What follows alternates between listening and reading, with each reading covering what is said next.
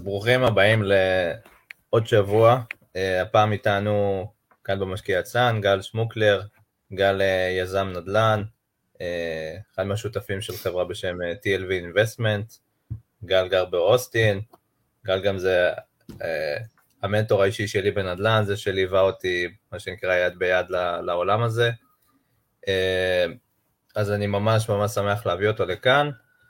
אה, אז קודם כל, גל, איך אתה מציג את עצמך? איך אני מציג את עצמי? אה, כן. אני גל, מאוסטין, אה, בן 36, זהו, קודם כל אבא של אדם החמוד, נשוי באושר ללימור. וכל השאר שטויות, אתה יודע, נדל"ן, בעיקר, עושים נדל"ן בפלורידה, בג'קסונוויל. יש לנו בעצם שתי חברות, חברה אחת שמתעסקת ב-wholesaling, למי שקצת מכיר, ברק מכיר יותר טוב כי עושה את הקורס שלנו, אז בעצם flip על החוזה, מעין flip על החוזה.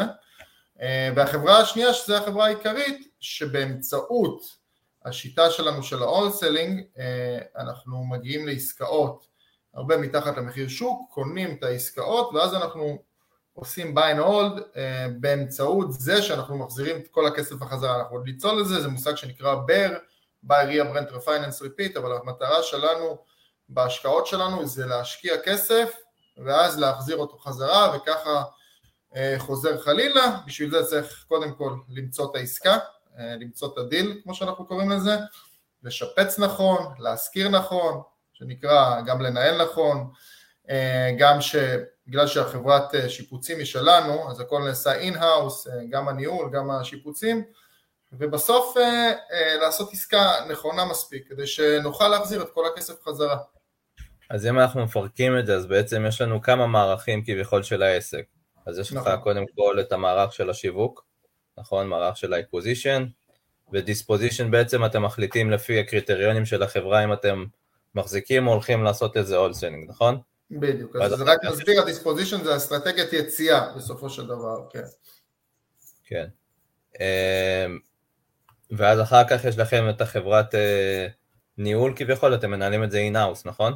מנהלים אינאוס, אנחנו משפצים אינאוס, אה, יש לנו היום אה, כ-20 עובדים, כולם בתוך החברה, יש את החלק שמתמקדים ב-lead generation, שנקרא לייצר את הלידים, יש את החבר'ה שסוגרים את העסקאות, ה-acquisitions managers, אה, מה שנקרא, יש עוד back office מאוד גדול, אחרי זה יש את כל הסיפור של מי שנמצא בקרקע, מנהל פרויקטים, החבר'ה שמשפצים, יש את המנהל נכסים, ה-back office, זה שנקרא 360, אנחנו מנסים לעשות הכל אה, בעצמנו על ידי מן הסתם עובדים שעובדים אה, תחתנו בפול טיים.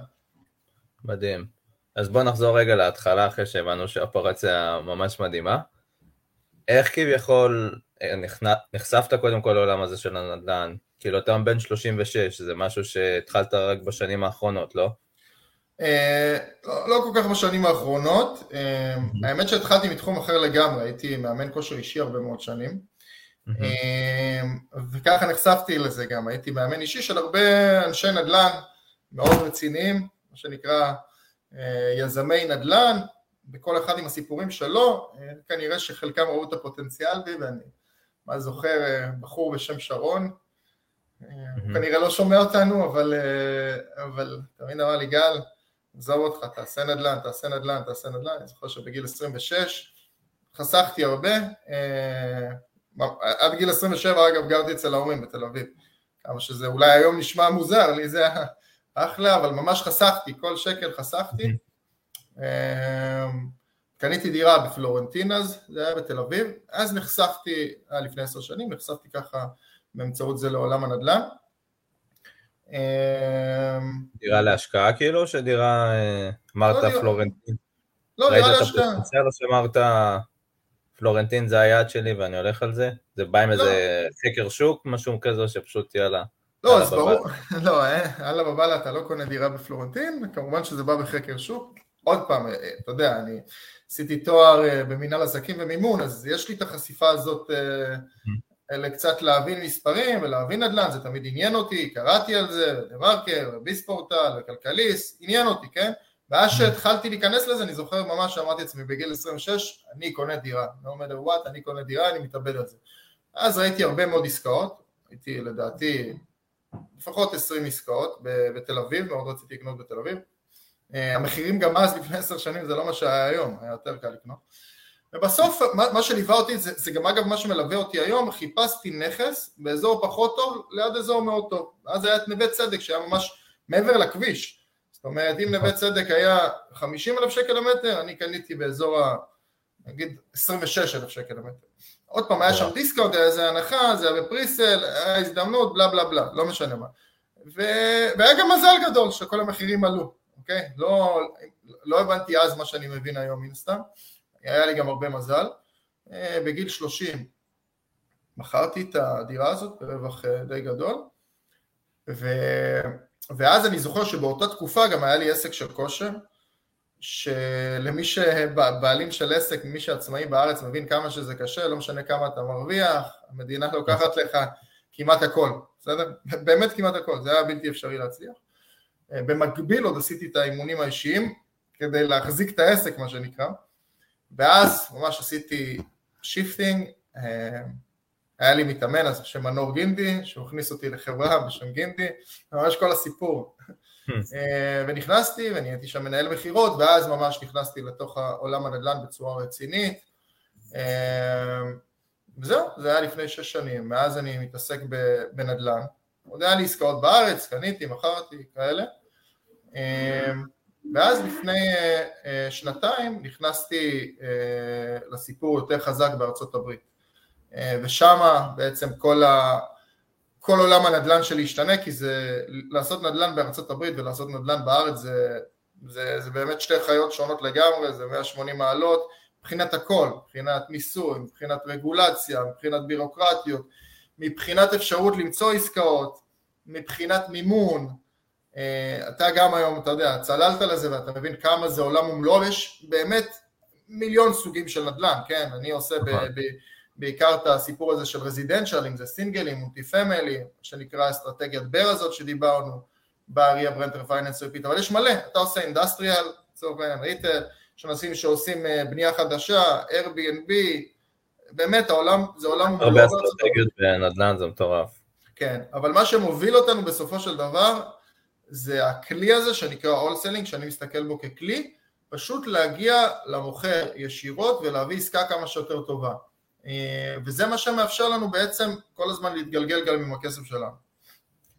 לפני שאני אמשיך רגע ל-all וכזה, היה לי איזה הערת אגב כזאתי, דיברת על זה ש, שאתה מקים עסק בישראל, מאוד מאוד קשה להרוויח, ואז אתה פתאום נכנס קצת לעולם ההשקעות, גם אם קנית עכשיו דירה להשקעה, אתה פתאום רואה כל מיני הטבות מס כאלו. אתה פתאום רואה שנכנס לך השכירות, עוד 3-4 אלף נגיד, פטור ממס, אה, וזה פתאום mind blowing, כי אתה אומר, בשביל להרוויח עוד 3-4 אלף במסלול גם שכיר או בעל עסק, זה פשוט מטורף, אתה צריך להרוויח עוד איזה, בערך עוד איזה 7-8 אלף כאילו, ברוטו, וזה משהו שלי לפחות באופן אישי פתאום, זוכר שעבדתי כשכיר, פתאום אתה מנסה להרוויח את העוד אלף שקל בחודש, ואתה אומר, טוב, אני צריך להרוויח עוד שלוש אלף בברוטו, כאילו. בדיוק. לא, זה לא נתפס. עכשיו בארצות הברית זה עוד יותר לא, כן, כן. בארצות הברית זה לא נתפס, כשמסתכלים על זה כמכלול, זה קצת נכון. קשה להסביר, אני, אני גם, גם איתך, אני זוכר שישבתי וקשה להבין את זה, אבל בארצות הברית יש שני דברים מאוד משמעותיים. לנו יש עסק של נדל"ן די גדול, לא סתם וורן באפט אמר משפט מאוד מאוד משמעותי שהוא משלם פחות מס מהמזכירה שלו. כשאתה יותר מצליח בארצות הברית ואתה יודע לעשות מסגרות מס נכונות, מן הסתם שהכל חוקי ונכון, זה, זה מתווה מס ואתה צריך אה, רואה חשבון מעולה, אבל בארצות הברית קודם כל אין מס רכישה ברוב המקומות שאתה קונה נדל"ן, זה אחד, שבארץ זה, נכון. במיוחד שאתה משקיע זה עומד על 8% שזה הרבה. מעבר לזה כשאתה בונה סטרקצ'ר מיסוי ואני לא יועץ מתיימר, אה, זה פשוט מעניין אותי, אבל תחשבו שאתה קונה נכס ועוד נכס ועוד נכס, הריבית שאתה לוקח אה, משכנתה בארצות הברית היא הוצאה גדולה וזה הולך בצורה של שפיצר, בהתחלה זה ריבית, ואז זה קרן, אז הריבית בשנים הראשונות זו הוצאה מאוד גדולה, אחרי זה יש לך מה שנקרא פרופרטי טקס, שזה כמו ארנונה בארץ, בעצם מיסי מדינה שהם מאוד גבוהים, הם 2% בדרך כלל, זה, כן, תלוי אה, אצלנו, בפלורידה, זה, זה כן תלוי שוק, אבל אצלנו זה 2%, בטקסס אגב זה יותר, זה, זה 2-3 מקומות באוהיו שזה גם מגיע ל-4, אבל זה חלק מאוד משמעותי, עכשיו גם זה הוצאה. אחרי זה יש לך גם את האינשורנס, הביטוח, שהוא גם הוצאה מאוד גדולה. קח את כל זה והשיפוצים שאתה עושה, כי יש לך הרבה שיפוצים, כי זה, בין אם זה בתים פרטיים או מולטי, אני לא מתעסק בקונדו, אז יש גם הרבה שיפוצים. קח את כל זה, תכניס את זה למסגרת המס, ו... וסיכוי גבוה מאוד שלא תשלם מס בכלל.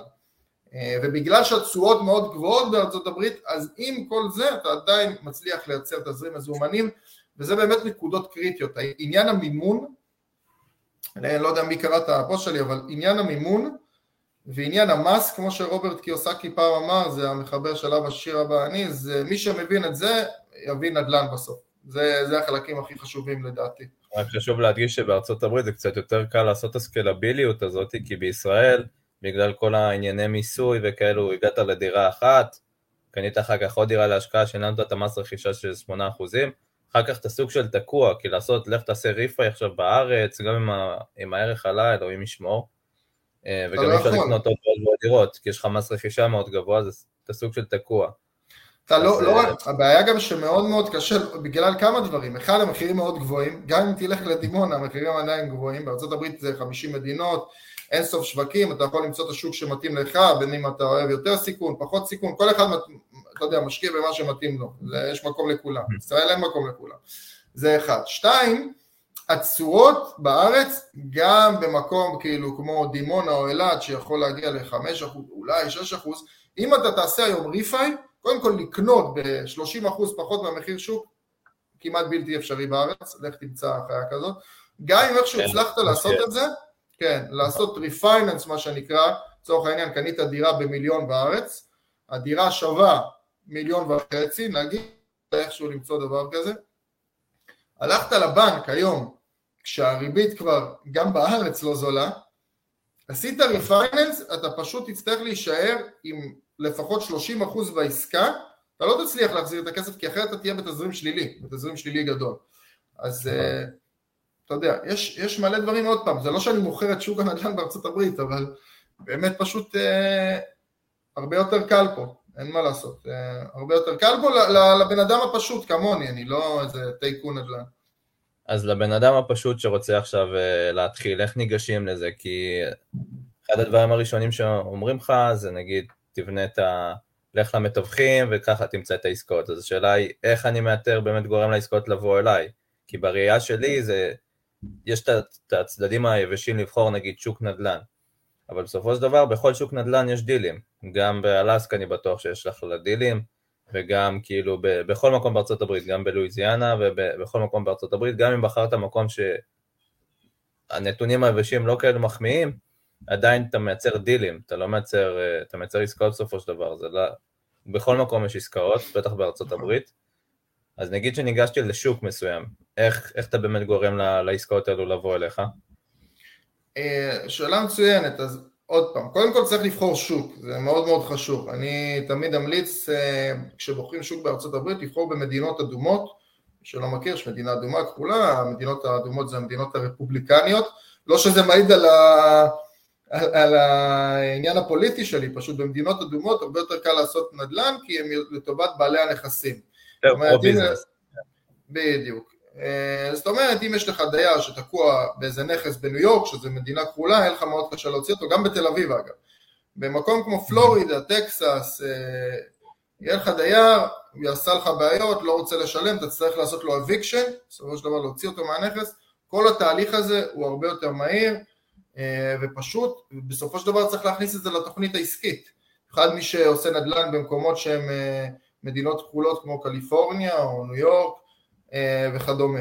אז זה מאוד מאוד חשוב להסתכל על זה, אז קודם כל באמת הייתי מדינות אדומות וזה מאוד חשוב גם לבחור את השוק. דבר שני, לבחור מקומות שקל לכם גם למצוא כוח אדם, להגיד אלסקה זה טוב ויפה, אני לא יודע אם אתם עושים נדל"ן באלסקה אם תוכלו למצוא אנשי מקצוע טובים, אתה יודע, או בכלל, אולי יש שם אסקימוסים שיעשו לך את העבודה טוב, ואני צוחק, זה פשוט גם מקום קטן. אז אתה צריך לראות מקום שיש לך גם אפשרות נכון. להתפתח לעוד אזורים, ושיש לך כוח אדם, אם יש לך כמו שאתה התחלת בפנסקולה, ואני זוכר ממש בשיחה, שאלת אותי איפה להתחיל. אז אמרתי לך, או שתתחיל בפנסקולה, שיש לך כוח אדם וקל לך במיוחד ל, ל, לרכישת נכסים, ואם אתה רוצה לעשות הולסלינג, שזה עסק יותר וירטואלי ונטו פליפים על החוזה, קח אזורים שיש לך יותר מה שנקרא distress properties, אה, מוכרים שרוצים למכור עם מוטיבציה גדולה או נכסים במצב לא טוב, כי יותר קשה, מקום כמו פנסקולה יהיה יותר קשה לעשות אה, עסקים ממקום כמו אינדיאנה, בדרך כלל, כן? נכון. אז זה גם כשלעצמו. אה, לגבי מציאת עסקאות, אז יש הרבה מאוד דרכים, כן? אנחנו שוב, כמו שאמרתי, מתמקדים בשיטה שנקראת wholesaling. אני, אני אתן איזה הסבר קצר על ה wholesaling כי זה לא מהות ההרצאה, אבל wholesaling בבסיס אה, זה יצירת קשר עם מוכר על ידי שיטות marketing שאנחנו עושים, לצורך העניין עושים cold calling, ממש מתקשרים, יש לנו רשימה, מוצאים את המספר של המוכר, מדברים איתו, המוכר אה, אה, למכור, זה אסטרטגיה שהיא בתוך ה-lead generation, אנחנו מייצרים את ה lead הזה, אנחנו ישירות מול המוכר, אז אם עשינו עסקה עם המוכר, אין 6% real estate commission, כי הברית המוכר משלם 6% עמלה, אנחנו יכולים להציע לו גם דברים כמו זמן ונוחות, זאת אומרת אנחנו נסגור את זה בשבועיים, אנחנו נסגור את זה במזומן, אוקיי? אנחנו נשלם את ההוצאות סגירה, שבארצות הברית הוצאות הסגירה אה, של כל המסמכולוגיה יכולים היום לעלות הרבה כסף, אבל נרצה גם discount מאוד גדול על המחיר, אז הרבה פעמים בגלל השיטה הזאת שאנחנו מציעים זמן ונוחות אנחנו יכולים לקנות עסקאות גם ב-50% פחות מהמחיר אה, שוק. זאת אומרת, אם עסקה עולה 200 אלף דולר, הרבה פעמים ברק יכול להגיד את המספרים האלה גם יותר טוב, כי הוא עשה עסקה כזאת לאחרונה, אנחנו יכולים לקנות את זה גם ב-100 אלף דולר, כמה שזה נשמע הזוי, שייצר לנו גם תזרים. אז אה, כן. הרבה מטילים בזה ספק, אבל uh, כאחד שהתנסה בזה, זה מאוד מאוד הגיוני, כי בסופו של דבר, נגיד עכשיו אנחנו, אינשאללה עוד יום יומיים זה ייחתם סופית, אבל אבל נגיד בעסקה שלי הבן אדם קנה את זה ב-18 אלף דולר לפני, ב-2004, משהו כזה. אז בשביל אדם כזה, הוא מכר את הנכס, הנכס שם שווה בערך 220-230, הוא מכר לנו את זה ב-100 ועשה לנו עוד owner finance, ומבחינתו זה מאוד משתלם. רגע, תסביר מה זה אונר פייננס, אתה אומר, בטוח שאתה כן. לא יודע מה זה. אז בכל מקרה, הוא, הוא עדיין עשה שם על הנייר כביכול 80 אלף דולר, והוא ממיר את זה בנוחות, ב, ב, בעסקה מאוד מאוד מהירה, ולא צריך להתעסק עם הדיירים. הוא מבחינתו עשה את שלו, הוא בן אדם 70, זה לא עוד, 100, עוד 50 אלף דולר, לא, לא יעזרו לו יותר מדי. הוא כביכול הנוחות, זה מה שחשוב, הוא, הוא, הוא מסתכל על הבן, על הבן אדם, על הקרבה, על ה rapport.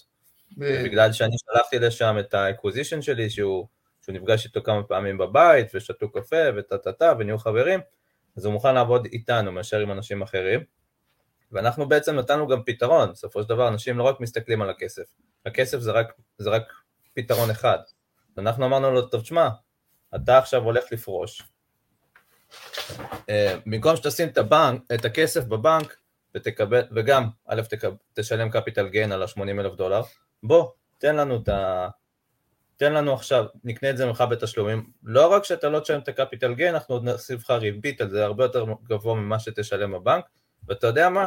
גם אם אנחנו חבורה של חארות, הדבר הכי טוב שיכול לקרות לך זה שאנחנו נפסיק לשלם לך ואתה תקבל גם את ה down payment שלנו, את כמה ששמנו בסגירה, ואת כל מה ששילמנו לך עד עכשיו, ותקבל את הנכס חזרה.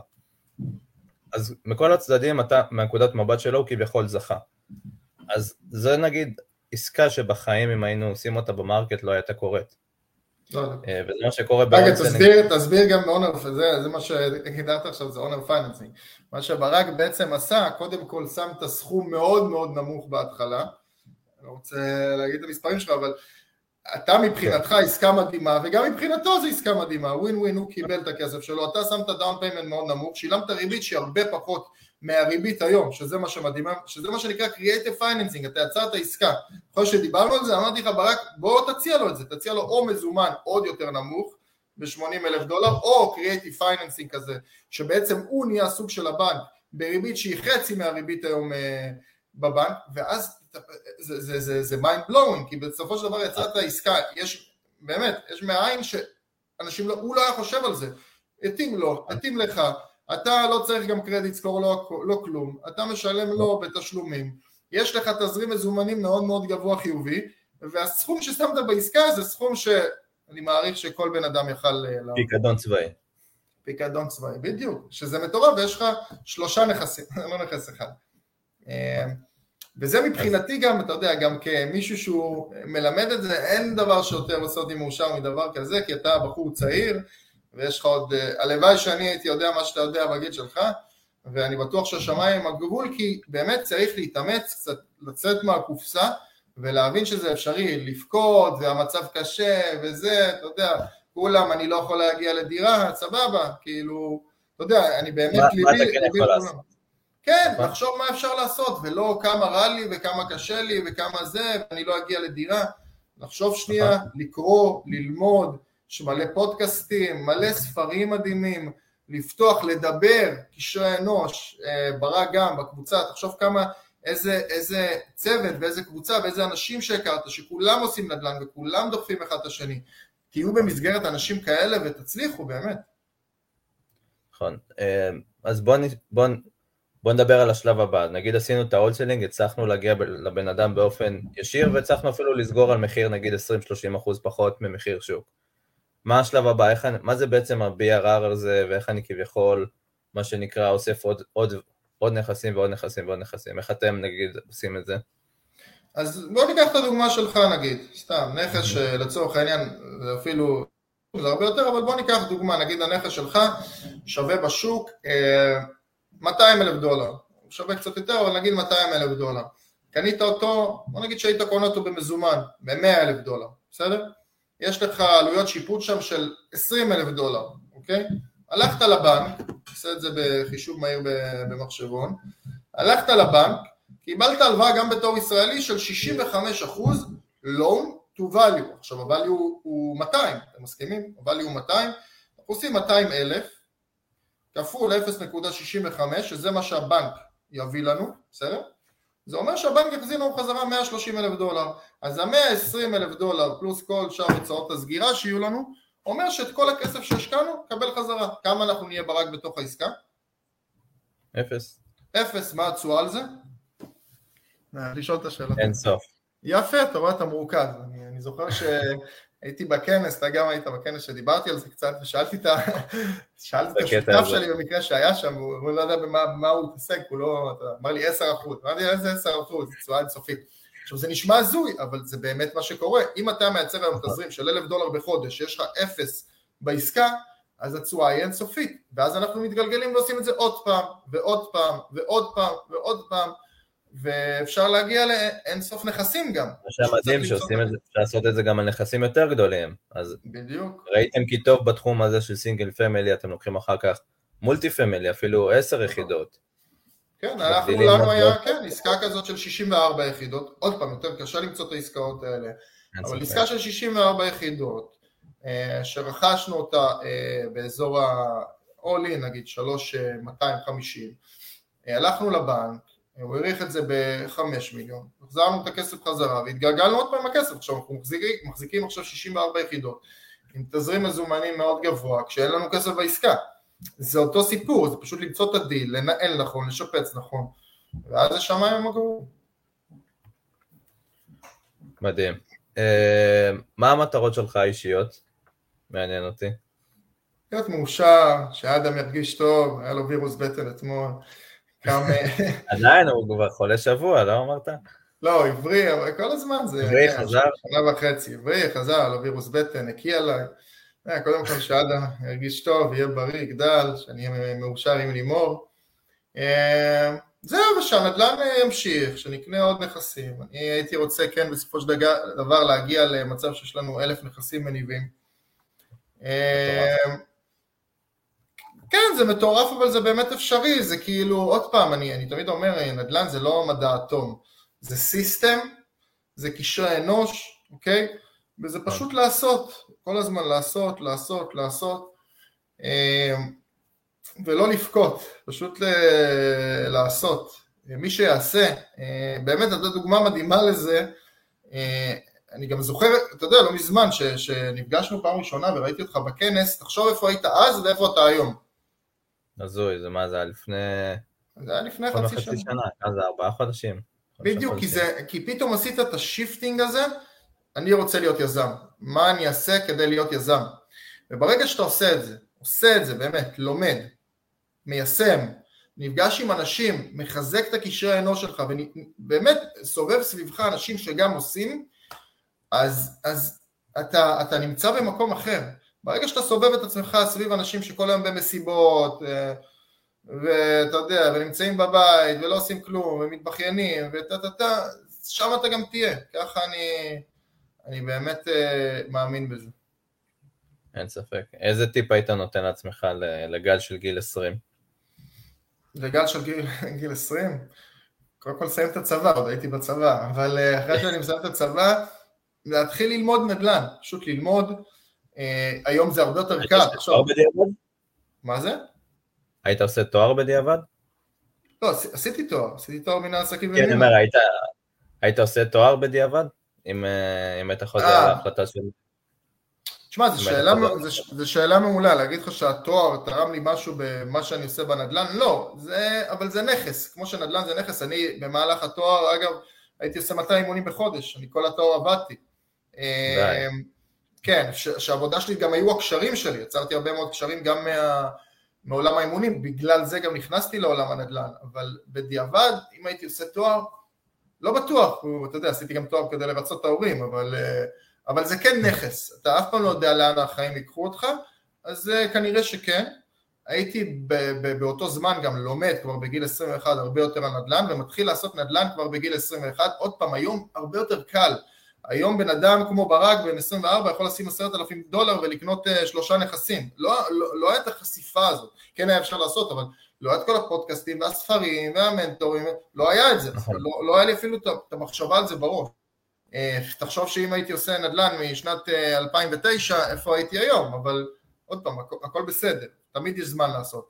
הדבר השני זה לעשות, כאילו, קודם כל ללמוד ולעשות ניצחונות קטנים. כל דבר בשבילי שאני עושה יותר ממה שעשיתי אתמול זה ניצחון, בין אם זה לקרוא עוד ספר, בין אם זה להקשיב לפודקאסט, בין אם זה לעשות איזה mentorship, בין אם זה לעשות את העסקה הראשונה. יש איזה ספר ש, שאני מאוד ממליץ, מדברים איתי שנקרא The One Thing של גרי קלר, שבעצם, אה, אתה קראת אותו אגב? לא, רק ראיתי ביוטיוב את הסיכום, אבל לא קראתי אותו. אז, אז תקרא, אז אני זוכר ש, שמה שהוביל אותי, בעצם הספר מדבר על מה הדבר הזה שתעשה, שכל השאר יהיה לא רלוונטי, אוקיי? בשבילי הדבר הראשון הזה, אחרי שקראתי את הספר, זה היה לקנות עסקה, לקנות עסקה, לקנות עסקה, אני זוכר שהייתי כל כך נעול ללעשות עסקה ראשונה בארצות הברית, הפכתי עולמות, ואז ככה גם נחשפתי לעולם של ה wholesaling. אה, קניתי עסקה ראשונה ב-75 אלף דולר, אה, שיפצתי קצת את זה. שזה היה ב market? לא, אז, אז עוד לא ידעתי מה זה wholesale. קניתי מאיזה חבר של חבר שנתקע והיה חייב את הכסף דחוף, הבאתי לו מזומן, 75 אלף דולר, אני הערכתי את זה ב-120, אחרי חצי מדהים. שנה בכלל עשיתי refinance לפי 174, מן הסתם שהחזרתי את כל הכסף שלי חזרה ועוד כסף, ואז אמרתי איך אני אעשה את זה ב scale, ואז נחשפתי לעולם ה wholesaling הזה.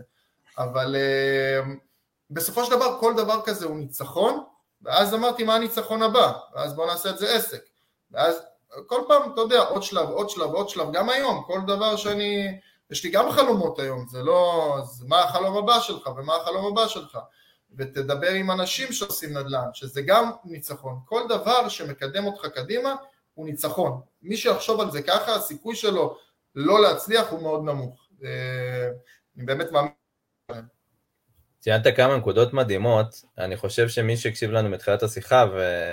והקשיב על זה שקנית דירה בתל אביב לפני עשור וטה טה טה, ואז בטח עבר לו בראש, אה, מה, קנה דירה בתל אביב, טה טה טה, בטח סביב המיליון, מיליון שתיים, מחירים שכבר אין היום, כבר אה, היום אי אפשר לעשות נדל"ן. נכון. אבל אנשים לא מבינים שלהגיד לדור שלנו, היום זו התקופה הכי טובה שיש, כאילו מבחינת אה, שפע, זה או לפה או לפה. כי אנחנו נחשפים לרעיונות בגיל מאוד מאוד מאוד צעיר. אני זוכר, היזם נדל"ן הראשון שהכרתי בארצות הברית, בא אליי, זה, הייתי בכנס נדל"ן, אה, כנס בקריבים, והבן אדם הראשון שפנה אליי זה ילד עם מחברת, אומר לי, קח, תראה איזה המספרים, טה-טה-טה-טה, אני מגייס כסף. אמרתי לו, תשמע, אה, יש פה אנשים הרבה יותר עשירים ממני, אני האחרון שיכול, אבל מעניין אותי איך כאילו הגעת, ל, ל, איך הגעת למספרים האלו, וטה-טה-טה, התחלנו לדבר, מסתבר שזה ילד בן 15, שהגיע לכנס נדל"ן וניסה לגייס כסף לעסקה הראשונה שלו. מדהים. באמת בסוף הצליח לגייס את, ה, את הכסף הזה, ומאז הוא עשה, שמרנו על קשר, הוא דרך אגב בחור יהודי מסתבר, אה, תוך שנתיים הוא הגיע למיליון וחצי בנדל"ן, משהו מפגר כאילו, קנה לעצמו את הטסלה, ילד בן 17, היום הוא בן 18, כאילו בחופש כלכלי מטורף, אז, אז הוא גם יכול להגיד מה, המחירים עלו וטה טה טה, ו... אבל הוא פשוט נחשף לרעיונות בגיל מאוד מאוד, בגיל מאוד מאוד צעיר, והוא פשוט עשה את זה, אז זה באמת מיינד uh, בלואוינג. זה משפט אגב של אילון מאסק, שהוא אומר שזו התקופה הכי טובה בהיסטוריה, כי הכל חשוף, עוד פעם, יש את היוטיוב, אה, הכל אפשר למצוא ברשתות, ביוטיוב, בפייסבוק, ובאמת, וגוגל והכל, אתה יכול למצוא מידע על הכל, אחד, יש יותר חשיפה, יש יותר מודעות, ושוב, אפשר גם לעשות נדל"ן בארץ, כן? יותר קשה, אבל אתה גם חשוף, העולם נהיה הרבה יותר שטוח, להגיע הברית נהיה יותר קל, למצוא קבוצות פייסבוק מדהימות, הרבה יותר קל, למצוא אנשי מקצוע, תמיד אומרים לי איך אתה מוצא שותף או איש מקצוע זה, תפרסם בקבוצת פייסבוק שהיא מיועדת לתחום, יהיו לך שלל הצעות, תצליב את המידע, אם אומרים לך נגיד על איזה חברת שיפוצים, ועשר אנשים אומרים לך שהיא מדהימה, כנראה שהיא לא תהיה גרועה, אם אה, הבן אדם פונה אליך ישירות, אומר לך אני מדהים, אז כנראה שהייתי חושד, נכון. אז הכל, הכל בסופו של דבר לא מסובך, אפשר לעשות הכל, אבל צריך לעשות, כאילו אה, לקרוא, ולזה, זה גם לא מספיק, אה, מי שעושה הוא זה שיצליח, לעשות נדל"ן בארץ גם לא שליט. גם אם תדברו עם שתיים שלושה מוכרים ביום, אתם עדיין כאילו באיזשהו שלב זה יבוא. ממש ככה. אה, אז אנחנו לקראת סיום, האמת שאני רציתי לעשות פה איזה הקדשה אישית, אני זוכר שראיתי לפני כמה שנים סרט מעולה, קוראים לו פיגומים, שלא משנה, שם, הוא דיבר על החיבור בין אה, מורה לתלמיד שלו, והתלמיד שאל את המורה, תגיד, יש לך ילדים? אז הוא אמר לו, אה, לא, אבל איזה מדהים זה שעדיין לא פגשנו את האנשים שיהיו הכי משמעותיים בחיים שלנו. אז אני לוקח את זה לכיוון אחר, כאילו, אני, זה תמיד לוקח לי אופטימיות כזאת ורצון להכיר עוד ועוד ועוד אנשים, ואני לא האמנתי שאתה תהיה הבן אדם ש, שאתה יודע, שם אותי על הגל עם הקריירה שלי, כי כביכול החלטתי לעשות איזה צעד שהייתי שלוש, עוד לפני שהחלטתי לעשות את הצעד הזה, הייתי שלוש שנים עוד לפני, כאילו, בעולם הזה של הנדל"ן, ניתחתי עסקאות וטה טה טה, לקחתי קורסים, הייתי יותר בתנועה, כן, עשיתי כמה עסקאות ופה ושם, ולא באמת לקחתי את זה ברצינות, ואז מהרגע שהכרתי אותך, פתאום נפתחו המון המון צ'קרות, כאילו, פתאום חיבורים עם המון המון המון אנשים מדהימים.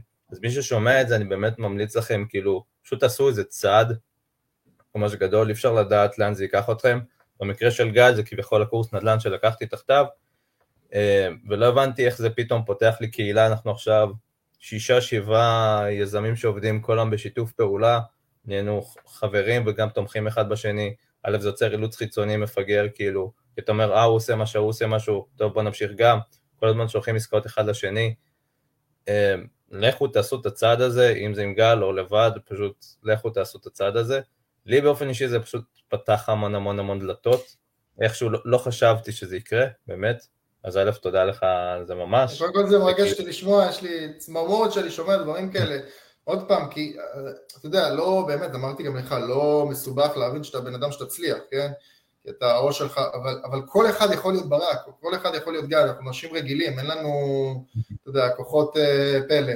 אבל באמת זה מרגש אותי, וזה באמת לא, לא, לא קשור לקורס, לא קשור להכל, פשוט לעשות, זה, זה, נכון. באמת, אה, זה באמת פותח כל כך הרבה דברים, דברים נפתחים אפילו כשאתה לא חושב עליהם, ברגע שאתה עושה את הדבר הראשון. לקחת סיכונים זה בסדר, שיהיו מחושבים במיוחד בתקופה של היום, אבל לעשות. נכון. אה, ושאלה אחרונה, לפני שאנחנו מסיימים, שתי שאלות אחרונות בעצם. שאלה ראשונה, אם היית גורו, לאיזה חיים היית מטיף? ושאלה שנייה, איפה מוצאים אותך? כאילו, על מה אתם עובדים היום ואיך אפשר להגיע אליך? אם הייתי גורו, למה הייתי מטיף? לא בדיוק גורו, אתה יודע, בקטע של, אה, בצורה הרעה, אבל בוא נגיד שאיזה אורח חיים היית ממליץ לאנשים לאמץ. אה, אוקיי, אוקיי. אמ, אז כמו שאמרתי קצת, אני מאוד מאמין ב- בלהיות בכושר ו- ולחיות בריא. קודם כל הייתי מטיף, ל- כמו שהטפתי, אני עדיין מאוד hmm. מאמין בזה. אבל מטיף לבריאות, תהיו בריאים, תחיו בריא, תקומו, תתאמנו, לא בגלל איך שאתם אה, רוצים להיראות, אבל זה, עוד פעם, יש הרבה הורמונים, לא ניכנס פה לשיעור כושר, אבל סרטונין, אנדורפינים. emotion secret ב emotion. כן, דופמינים, אז, אז קודם כל זה, זה, זה יעשה אתכם יותר שמחים, אז תהיו בריאים אה, ותלמדו, כל אחד בתחום שהוא רוצה, אני, אני פשוט באמת אה, מאמין במה שנקרא financial freedom, שה... נכסים שלי, שאתה יודע, ישלמו לי את החיים כדי שאני אוכל לעשות מה שאני רוצה, אם אני ארצה להגדיל את העסק וזה אחלה, אבל יותר חשוב שאני אוכל לעשות מה שאני רוצה, ולזה אני מטיף כביכול, כדי שאני אוכל להיות יותר עם המשפחה, ולטייל, ולהיות בריא, אז לזה הייתי מטיף, אה, באמת ליהנות יותר מהחיים, אתה יודע, לעבוד ב-9 to 5 עד גיל 70 ולפרוש ולהבין שכל החיים שלך סובבים סביב עבודה, בלי קשר לכמה אתה מרוויח, זה לא, זה, זה לא אני, אבל אה, יכול להיות מישהו זה מתאים לו, יכול להיות מישהו שאוהב את זה, אז סבבה. נכון. זהו, למצוא אותי אפשר בפייסבוק, אה, גל שמוקלר עם SH. מי שרוצה לדבר איתי, בכיף, אה, שלחו לי מה שנקרא DM, direct message, ואני כיף עם כל אחד, אני, מי שקצת מכיר אותי יודע שלא משנה מי יפנה אליי, אה, ננסה לדבר אה, ולתת את המוטיבציה ולעזור. במיוחד לחבר'ה צעירים, אתה יודע, שרוצים להתפתח ולא מבינים מה הם צריכים לעשות וחושבים שה... העולם סוגר עליהם כי הם בחיים לא יגיעו לדירה, אז אה, חבר'ה זה באמת אפשרי, אה, ומי שרוצה לדבר איתי, כן, בכיף, אני תמיד פה ותמיד מוכן לעזור. המון תודה על הזמן גל ועל הערך, וגם על הפוסט הוא פוצץ לנו את הקבוצה. כן, זה היה קצת מורכב וארוך, אבל ניסיתי להגיע לדקויות. כן, בהתחלה אני גם אמרתי לעצמי, אם יקראו את זה, לא יקראו את זה, קראו את זה כמו בגדול, ברגע שאתה נותן הרבה ערך ותוכן איכותי, אנשים, אה, גם, גם אפילו בימינו קוראים פוד, פוסטים ארוכים. אה, כן. ווואלה גל, המון המון תודה, באמת על הכל, גם על הזמן וגם אה, באופן כללי, אתה יודע כמה אני מעריך אותך. וזהו, סליחה שקצת חרגנו מהזמן אני רואה. לא, אני נהניתי ובאמת בכיף, כל מי שרוצה איזה עצה יכול באמת לפנות אליי בשמחה. יאללה, איזה כיף, תודה גל. יאללה, ביי, תודה רבה ברק על הזמן.